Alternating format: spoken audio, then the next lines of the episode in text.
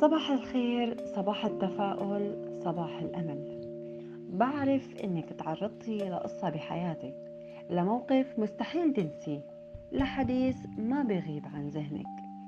بس رح ضل قلك لابد إنه يجي يوم حلو وتنسي فيه الماضي. ابتسمي ولا تخلي التفكير يدمر حياتك. طبق اليوم خفيف ولذيذ وابن عالم وناس. طبقنا هو الكب كيك.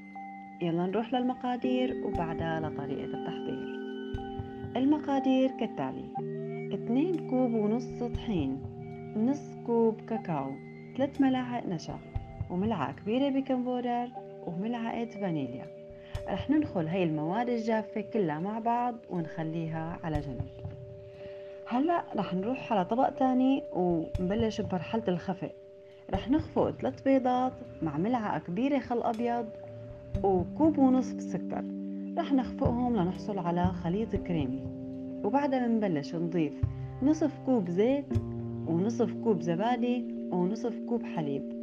طبعا بنضيف كل نص كل نص كوب وبنخفق شوي وبعدين بنضيف النصف كوب اللي بعده. بعد ما وصلنا لهذا الخليط الكريمي رح نطفي الخفاقة ونضيف الخليط الجاف يلي نخلناه.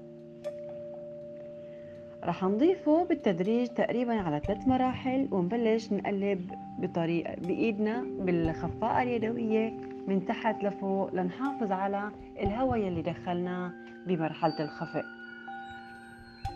هيك الخليط بيكون عندي جاهز ورح نضيفه على صواني الكب كيك وإذا في حال ما متوفرة عندكم فينا نحطهم بقوالب كرتون أو أكواب كرتون عادية يلي بنستخدمها للشاي وللقهوة.